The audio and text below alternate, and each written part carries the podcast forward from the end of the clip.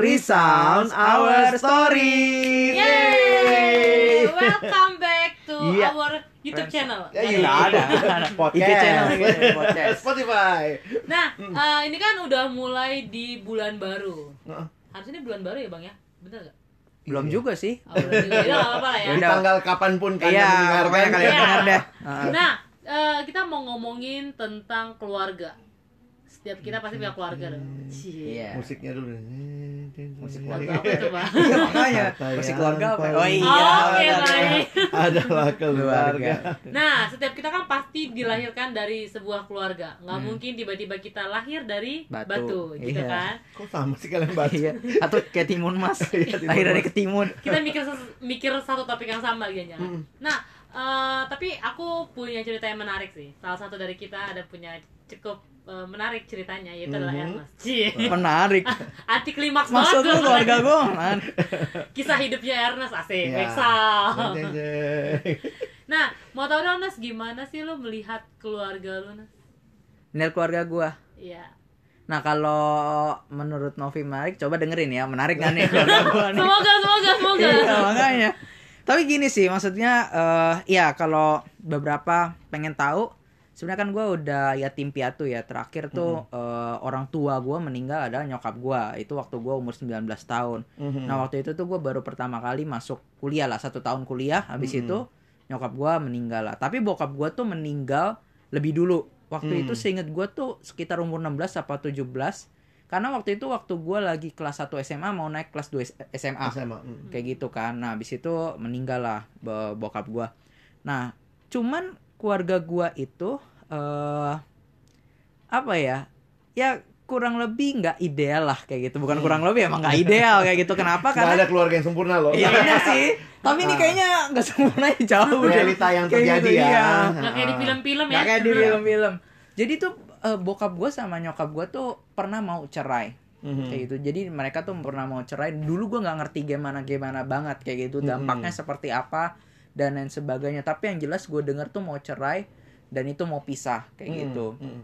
nah akhirnya sih waktu itu eh nyokap gue tuh datang lah pergi ke salah satu eh, pemuka agama kayak gitu dia tanya Mhm. nih baiknya gimana nih kayak gitu mesti cerai atau enggak nah dia menyarankan jangan cerai Hmm. pisah rumah aja dulu baru kalau misalnya baikan baru ketemu lagi ketemu satu lagi, rumah satu iya. rumah nah akhirnya mereka pisah rumah lah sempat Hmm. akhirnya satu rumah lagi tapi konflik lagi akhirnya pisah Hmm. rumah lagi sampai akhirnya waktu pisah rumah papa gua meninggal jadi papa gua sama eh, mama gua waktu papa gua meninggal mama gua nggak nggak hadir ada di sampingnya Hmm. kayak gitu karena Iya. memang waktu itu lagi papa Pisah gua rumah. ada bersama orang tuanya atau mertuanya datang Oh. datang dan mama gua gue inget banget dulu sih waktu selesai hari pemakaman itu gue inget banget kamar gua tuh ada di atas Hmm. Eh, nah mama gua di bawah Mhm. nah waktu itu mama gua tuh naik ke kamar gua dan tidur bareng gua gue inget Hmm. banget sih itu kayak Hmm. gitu jadi memang meskipun udah Pisah eh, rumah pisah ya. rumah ya tetap lah kayak gitu mama Ya, gua tuh kehilangan eh, kehilangan salah satu belahan jiwanya lah walaupun belahan jiwanya pun juga nggak perfect perfect banget kayak gitu jadi eh kalau bisa dikatakan ya kurang ideal dan mungkin cenderung broken home kenapa karena gue sebenarnya dari kecil tuh kehilangan sosok ayah Hmm. Eh, yang di mana ayah yang gue nggak ngeliat ayah yang bertanggung jawab gitu Hmm. ayah yang mencari nafkah karena bokap gue sampai dia meninggal itu Hmm. pengangguran Hmm. kayak gitu itu pengangguran dan gitu juga selama eh, ada di dalam rumah tangga itu bokap gue sama nyokap gue tuh Hmm. sering banget konflik bertengkar di dan kalian anak-anak ngelihat. lihat lihat nah Oh. cuman dulu ya dulu gua karena waktu itu kecil gua nggak ngerti kalau apa sih yang dibela sama nyokap gua Hmm. nah Oh. sekarang ini gue tuh waktu eh, mulai kehilangan eh, orang tua gua lihat lagi balik belakang lagi Hmm. hidup gua oh ternyata ini yang dibela sama Nyokap. mama Mm-mm. Heeh, kayak gitu karena waktu itu tuh karena gua ngehnya gini papa itu tuh karena cukup pasif ya kayak gitu Hmm. karena pasif terus juga lembut orangnya Mm-mm. Eh, dia nggak banyak teriak-teriak nadanya juga eh, kalau ngomong nggak pakai nada tinggi nah berbeda dengan nyokap gua nyokap gua Hmm. tuh eh, berasal dari latar belakang keluarga tuh yang kayaknya ambisius kayak gitu ambisius dan juga nadanya tinggi-tinggi kalau Bokap lu ngomong kayak, "Ma, apa gimana sih? kelihatannya seperti Ya. itu Oh. kayak gitu nah makanya dulu gua ngelihatnya ih ini mama galak banget jahat banget ke papa kayak gitu Hmm. Eh, karena kok papa dimarah-marahin sedangkan papa tuh lembut banget gitu diem-diem Oh, aja gitu di sebagai anak yang masih Iya, kecil yang nggak yang tahu nih ya. gitu doang kan, kayak gitu. siapa yang lebih lembut siapa iya yang marah. kayak gitu. Nah tapi sekarang gua ngerti lah Iya. kayak gitu. Dan di akhir-akhir tuh gua justru lebih dekat sama mama. Nah jadi gua waktu mama gua meninggal juga ya gua kehilangan juga lah sampai sampai hari ini. Gua masih ingat banget dalam artian gini gue tuh salah satu hal yang paling gua hindari adalah gua mimpi ketemu nyokap Takut Hmm, nangis lu. hmm. bukan takut nangis pasti nangis Hmm. Gua kalau mimpi eh, ketemu nyokap di dalam mimpi gua bangun pasti nangis. Dan Hmm. kadang-kadang tuh ya mimpinya tuh gua selesaiin kayak gitu karena ya udah nangis duluan kayak gitu nggak lanjut Oh, lagi pengen oke. lanjut lagi juga udah nggak bisa. Tidur lanjut mimpi lagi Iya dan kayak gitu udah udah selesai udah ya. udah nggak bisa. Nah seperti itu. Nah nah di tengah-tengah keluarga itu kadang-kadang gue berpikir sih ya kayak gitu Hmm. berpikir ada banyak hal lah pemikiran kenapa gue lahir di keluarga yang seperti itu kenapa begini gue berpikir kalau seandainya gue lahir di keluarga yang berkecukupan ya karena keluarga gue kondisi yang kayak gitu Hmm. gue pas-pasan menengah ke bawah lah kayak gitu di dalam segi ekonomi kayak gitu segi ekonomi dan juga eh, bokap gue nih punya latar belakang suka main kuasa gelap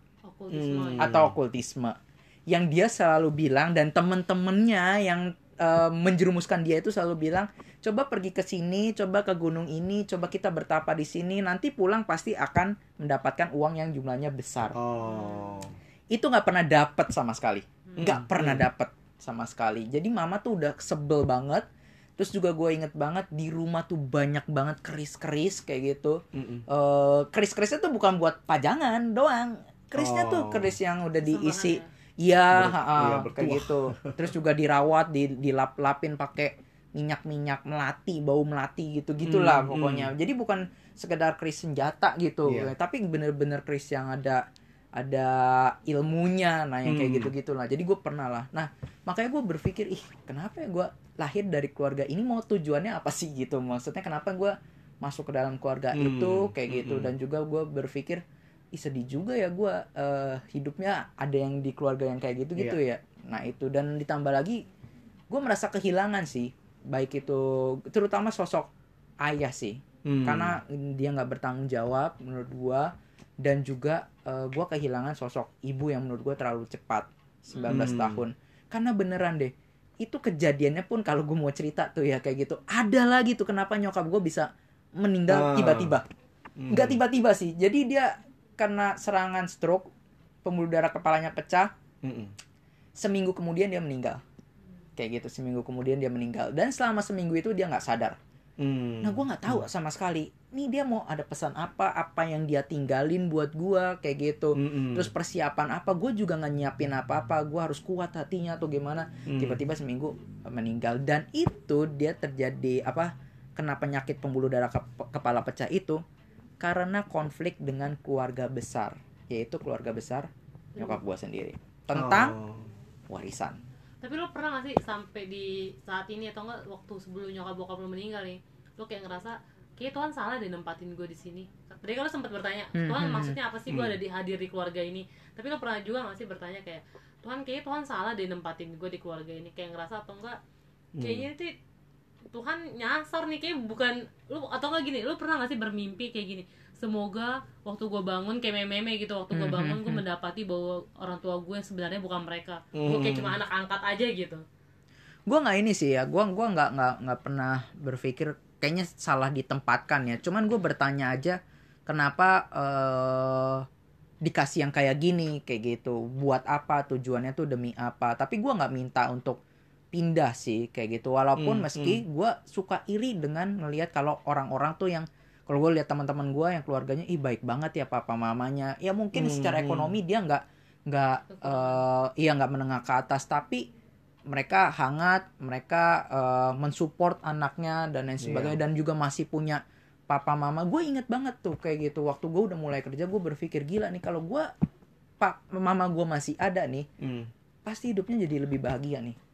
Kalau ketemu sama Ernest yang sekarang bukan Ernest yang dulu Hmm. kayak gitu karena gue inget banget dulu ya anak-anak kadang-kadang ada bandel-bandelnya kayak gitu-gitu dan Maunya banyak. Iya mintanya. maunya banyak Hmm. minta. Cuman kalau sekarang dengan berpikir dengan cara berpikir yang dewasa ya, gila itu itu bu- bukan hal yang ringan yang yang di- diterima oleh uh, mama gua atau hal Hmm. yang mudah dilalui oleh mama gua bayangin dia mama gua dengan beban keluarga yang seperti itu harus mencari nafkah lagi dia bingung dia mesti lapor ke siapa Hmm.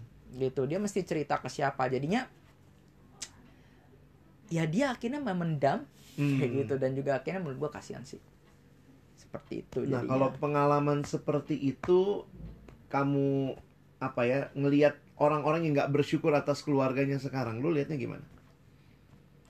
Kadang-kadang gitu sih kadang-kadang eh, kita nggak bersyukur atas keluarga kayak gitu. Cuman gua kadang-kadang akhirnya makin ngertinya gini ya.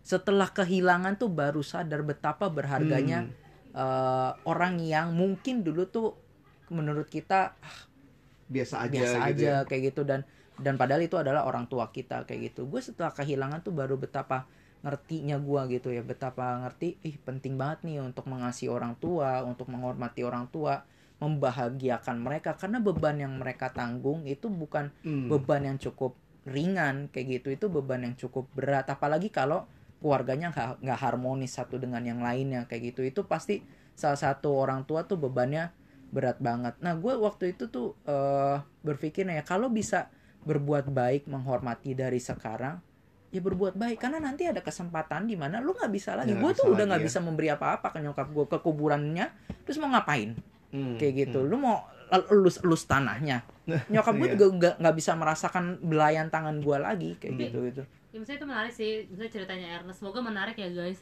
tapi maksudnya balik lagi gue punya pertanyaan kayak gini sih kalau yang kita lihat kan dari ceritanya si Ernest ini Hmm. kan ini kan bang eh, dia masih ada bagian yang bisa lo nikmati dari nyokap bokap lo eh dari bo- dari nyokap lo secara khusus lah Hmm. Iya, maksudnya ada iya. nilai-nilai yang bisa lo dapetin tapi gimana kalau misalnya kita ngelihat misalnya seorang anak lahir di keluarga yang nyokap bokap itu cuma berantem.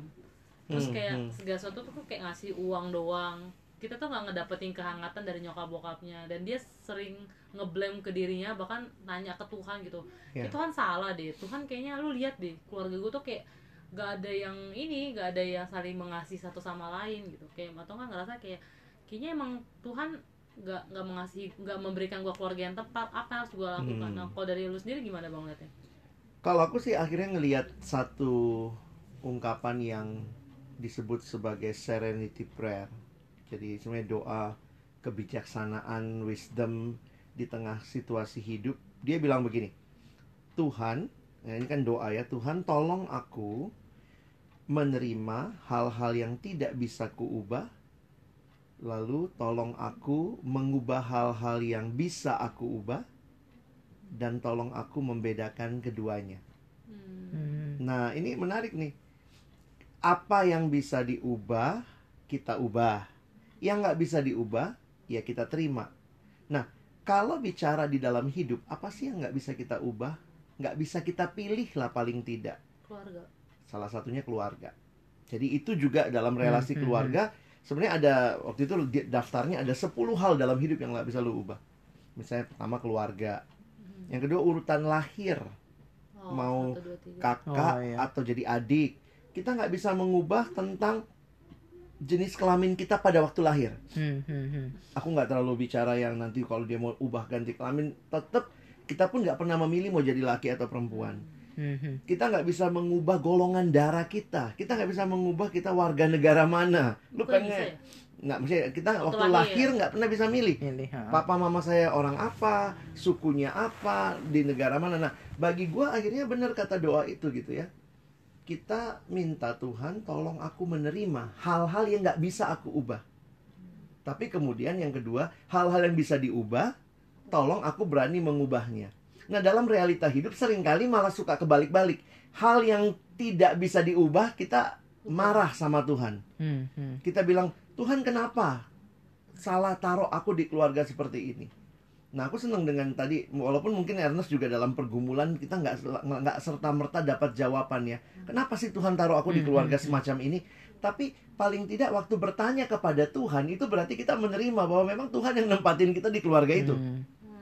Nah, itu yang aku lihat banyak orang sekarang kayak merasa kayaknya Tuhan kurang bagus deh jadi Tuhannya. Mendingan gue jadi Tuhan. Kalau gue jadi Tuhan, saya akan membuat gue lahir di keluarga seperti apa. Termasuk misalnya, kalau saya jadi Tuhan, saya akan jadi abang, saya nggak mau Hmm. jadi adik gitu.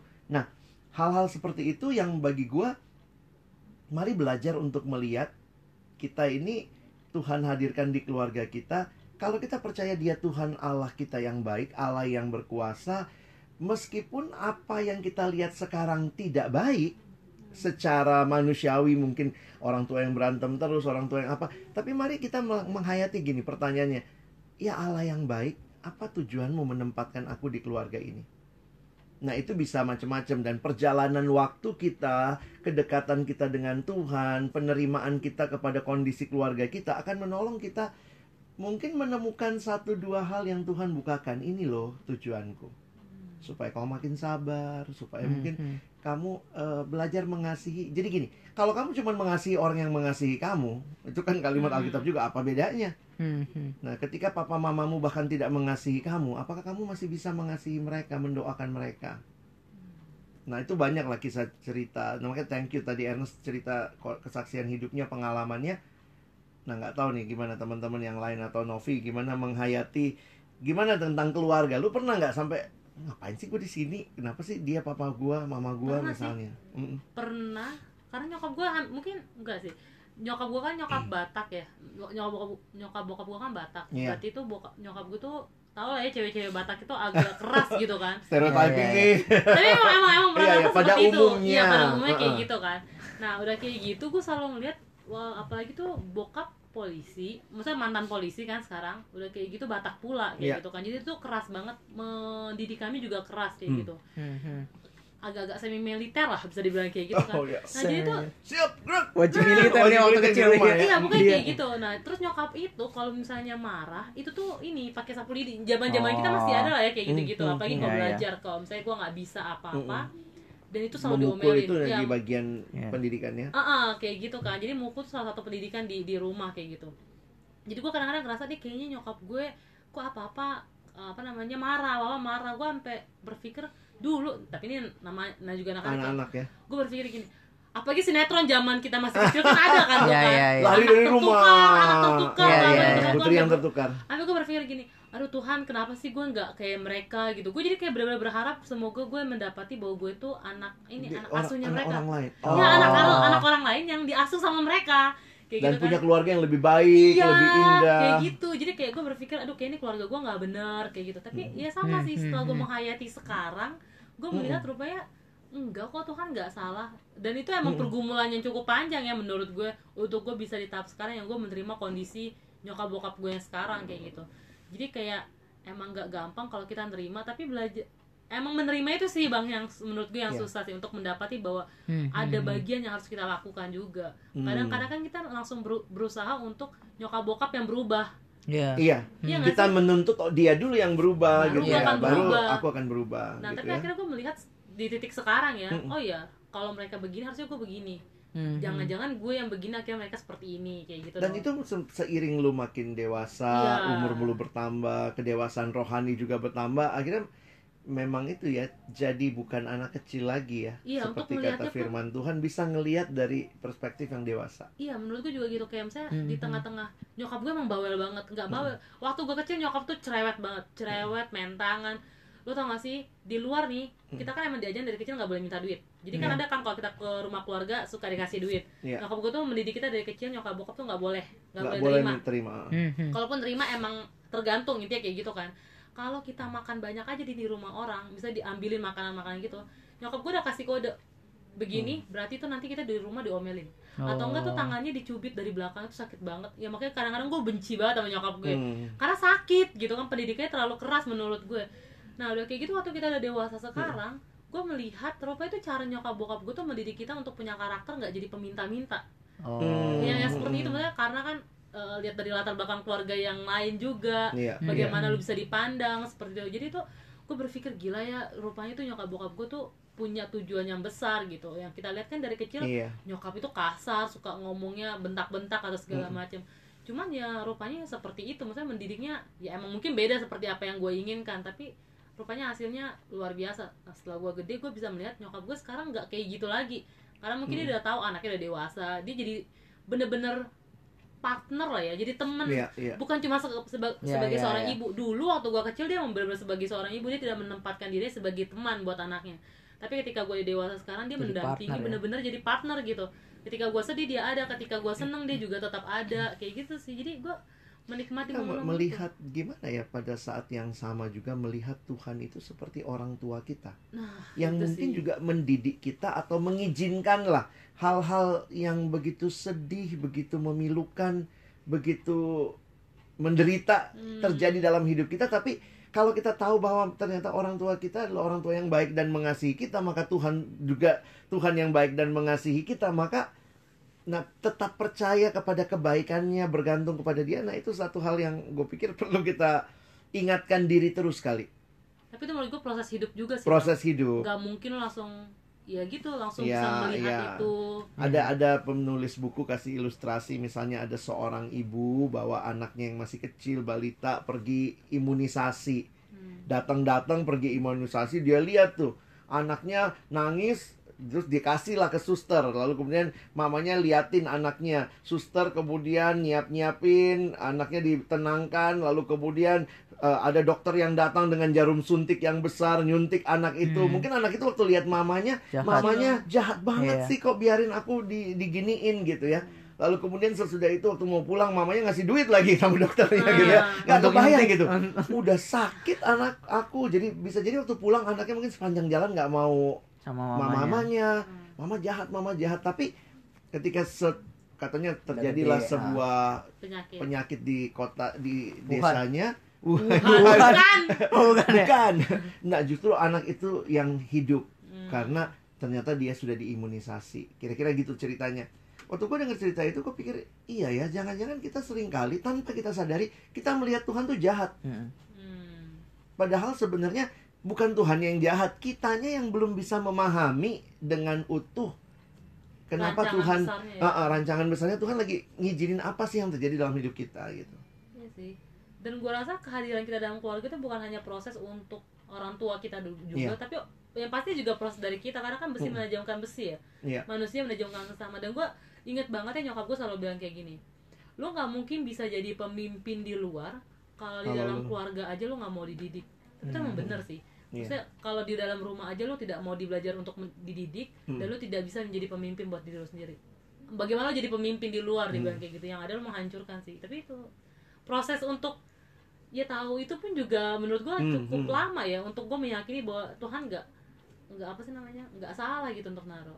Ya, makanya banyak orang ngerayain Valentine pikirnya cuman iya. relasi pria wanita Iya. padahal mungkin hal-hal yang mendasar sekali seperti gimana sih keberadaan kita di tengah keluarga kita Hmm. bisa menjadi orang yang mengasihi mereka keluarga kita dengan tulus Hmm. gitu ya Dan menurut gue juga bagaimana pasangan kita mengasihi keluarga itu juga bentuk bagaimana Ah, dia akan mengasihi Iya. kita nanti ke depan sih. Kalau dia nggak bisa Oh, mengasihi keluarga, Iya. karena sepupu gue pernah ngomong gini, gue bingung kak sama seseorang, misalnya entah itu cewek entah itu cowok, Mm-mm. bisa sayang ke pasangannya, tapi, Tapi- dia nggak sayang sama sama keluarga. keluarganya Ba- Bagaimana bisa maksudnya gini? Padahal kan keluarga adalah pribadi yang mengasihi dia, misalnya satu Hmm. organisasi yang mengasihi dia terlebih dahulu. Gimana lo bisa mengasihi orang lain yang lo nggak tahu dia siapa? Iya, iya, iya. Tapi ya juga ya. Jadi Mm. mungkin nih cewek cowok untuk tahu Ah, juga kan iya. apakah dia beneran mengasihi lo atau Iya enggak lihat cara dia mengasihi keluarganya. Kalau dia nelfon papa mamanya aja bentak-bentak, Nah. terus di depan Iya, kita kayak. Hai sayang gitu ya. Hmm. tapi mungkin hati-hati juga bang sama Hmm. orang yang terlalu tunduk bukan tunduk sih tapi maksudnya gimana ya Iya m- mungkin jangan sampai juga tetap ya kita tunduknya sama Tuhan. iya Ada orang yang saking takutnya akhirnya takut eh, apa ya kayak orang apa istilahnya dibawa ketek keluarga iya gitu di maksud bawah gue. iya Gitu itu ya. maksud gue Kayak apa-apa pokoknya jadi keluarganya dia dulu Iya, iya, iya. nah, itu juga kurang tepat sih tapi itu mungkin butuh pembahasan yang Proses lain. iya. yang lain. Benar, But benar. thank you anyway ada kata-kata terakhir Cah Dari closing Ernest. statement Ernest thank you untuk Apa ya? ceritanya hari ini Ernest Day lah Iya. Ini sih gua makinnya makin sadar sih eh kalau masih hidup orang tua se gue mikirnya gini, seburuk-buruknya orang tua lo tetap satu hal yang bisa lo kontrol adalah respon lo terhadap mereka kayak Hmm, gitu. hmm. Nah itu dan lo akan baru ngerti gimana rasanya kehilangan itu ketika lo nggak bisa berbuat baik Hmm, mengekspresikan bentuk kasih lagi waktu mereka benar-benar hilang kayak gitu. Dan gue sangat akhirnya gue makin ngerti lah ya. Gue makin tertolong tuh ya eh, dengan gue kehilangan lah sosok Iya. ayah kehilangan sosok ibu kayak gitu. Eh sosok yang mengayomi memimpin membesarkan gue kehilangan itulah banyak lah gue kehilangan lah. Nah tapi gua akhirnya makin bersyukur kayak gitu-gitu Hmm. karena gua kadang-kadang bersyukurnya adalah gue tuh di punya komunitas yang cukup baik Hmm. yang di mana tuh komunitas itu menolong mengisi kekurangan kasih yang gua gak nikmatin dulu kayak gitu ya tentu Hmm. mereka nggak akan bisa bisa iya ya. menggantikan Hmm. tetap gua eh, punya kerinduan kalau bisa gua nikmatin lebih lama kayak gitu Iya. kasih eh, kedua orang tua ya gue pilih itu juga kayak Hmm, gitu hmm. tapi sejauh ini kenapa gua akhirnya bisa eh, bertahan ya karena ada komunitas itu Iya. yang benar-benar mau menerima gua padanya kayak gitu yang benar-benar hmm, hmm. mengasihi gua yang kalau gua salah tuh dia nggak mereka nggak look down ke gua Iya. Tapi Hmm. benar-benar memang lu salah dan gua kasih tahu ini gua punya deep concern terhadap lu Hmm, sehingga akhirnya lu tuh bisa menjadi pribadi yang baik kayak gitu tapi hmm, hmm. tetaplah kalau memang masih punya orang tua usahakan untuk uh, Hmm. bisa mengekspresikan bentuk kasih terhadap mereka karena baru benar-benar akan merasakan waktu nggak waktu mereka nggak ada kayak gitu benar-benar Jadi buat kehilangan. lu sahabat-sahabat itu friend itu sesuatu juga ya meng- sesuatu mengisi, kayak gitu mengisi apa yang Kekurangan lu nggak dapet eh, Walaupun apa- kadang-kadang gue setuju sih yang dengan Bang Alex bilang ya. Gue sampai sekarang nggak ngerti kenapa nyokap Hmm. gue meninggal waktu Hmm. gue masih kuliah awal-awal itu sampai sekarang uh, Belum gue nggak ngerti. iya, Dan gue yakin juga waktu gue nanti sampai gue mati mungkin gue nggak akan belum ngerti tentu juga. juga, tahu Hmm. Iya, kayak iya. gitu mungkin gue nggak akan ngerti tapi ya udah gue belajar tuh yang tadi bang Alex bilang kalau memang uh, Tuhan adalah orang tua yang baik yang Hmm. mungkin rela dalam tanda kutip menyuntik gue dengan kehilangan Hmm. orang tua yang sekarang ini yang ada di dunia ini ya mungkin maksudnya memang baik kayak gitu Hmm. gue belajar percaya itu dan gue mungkin nggak akan pernah bisa menyelami apa sih Ya. rencananya kayak gitu yang dan kadang-kadang juga lu nggak mesti ngira-ngira kayaknya ini nih ini tujuannya ini tujuannya iya kadang-kadang ah, itu ah, ah, itu kalau ternyata ternyata yang kita kira-kira nggak sesuai juga jadi iya. jadi ekspektasi yang berlebihan. Ya, jadi salah ya Hmm. ada hal-hal yang memang ya misteri tapi ber- percayalah Tuhan ada gitu. Tapi emang nggak mudah sih maksud gue gue Hmm, melewati gua iya gua ngerti lah kalau misalnya ada uh, orang-orang yang keluarganya broken home kayak Iya. gitu gua sadar itu nggak mudah. Gue bilang begini pun ya gue bersyukur dari hal yang itu yang gue alami. Satu hal yang mungkin gue bersyukur adalah orang tua gue tuh nggak pernah main kasar Oh, kayak gitu yang tadi lu uh, bilang kalau misalnya marah sedikit dicubit dan lain sebagainya. nggak gua bisa mensyukuri hal itu kayak gitu. Hmm. meskipun yang lain-lainnya ada lagi yang berantakan. Jadi meskipun lu hadir di keluarga yang seberantakan apa pun tetap ada hal yang sebenarnya kalau lu bandingkan ke orang lain mereka tuh kayaknya lebih menderita juga. Tapi kadang-kadang yang suka Iya. kita bandingkan adalah kok lu lebih enak ya kayak gitu kita ya nggak apple to apple ya ngebandingin Iya. ya. kadang-kadang gitu dan selalu kita ngelihat yang enak yang enak dia aja yang enak di Gitu. kita. Nah itu dan itu memang nggak mudah sih Hmm. untuk melihat Hmm. membanding. Wih enak punya orang tua kayak gitu, wih enak punya keluarga Iya, kayak gitu. Wih gue bisa ke sini, bisa ke situ, bisa keluar negeri, bisa Hmm, jalan-jalan kayak gitu gitulah. Dan itu banyak yang gue kehilangan akan hal iya itu. Kayak gitu. Novi ada pen- pendapat akhir Kalau dari aku sih tetap semangat ya mengasihi keluarga di tengah-tengah kondisi yang mungkin tidak Iya. tidak mudah untuk dikasihi. Jadi teman-teman kita sharing seperti ini juga karena kita tahu bahwa mungkin banyak teman-teman yang punya pergumulan yang sama. Mari belajar bersyukur untuk keluarga yang Tuhan berikan, percaya Tuhan itu baik dan di tengah-tengahnya nikmati juga cara Tuhan mengasihi kita lewat sahabat-sahabat. Hmm. Karena itu jangan lupa follow kita di Instagram di Friendsound.id .id dan juga terus pantengin Di eh, Spotify. Spotify kita Iya. ya. Thank you teman-teman. Kita sampai ketemu lagi di waktu yang lain. Bye. Bye.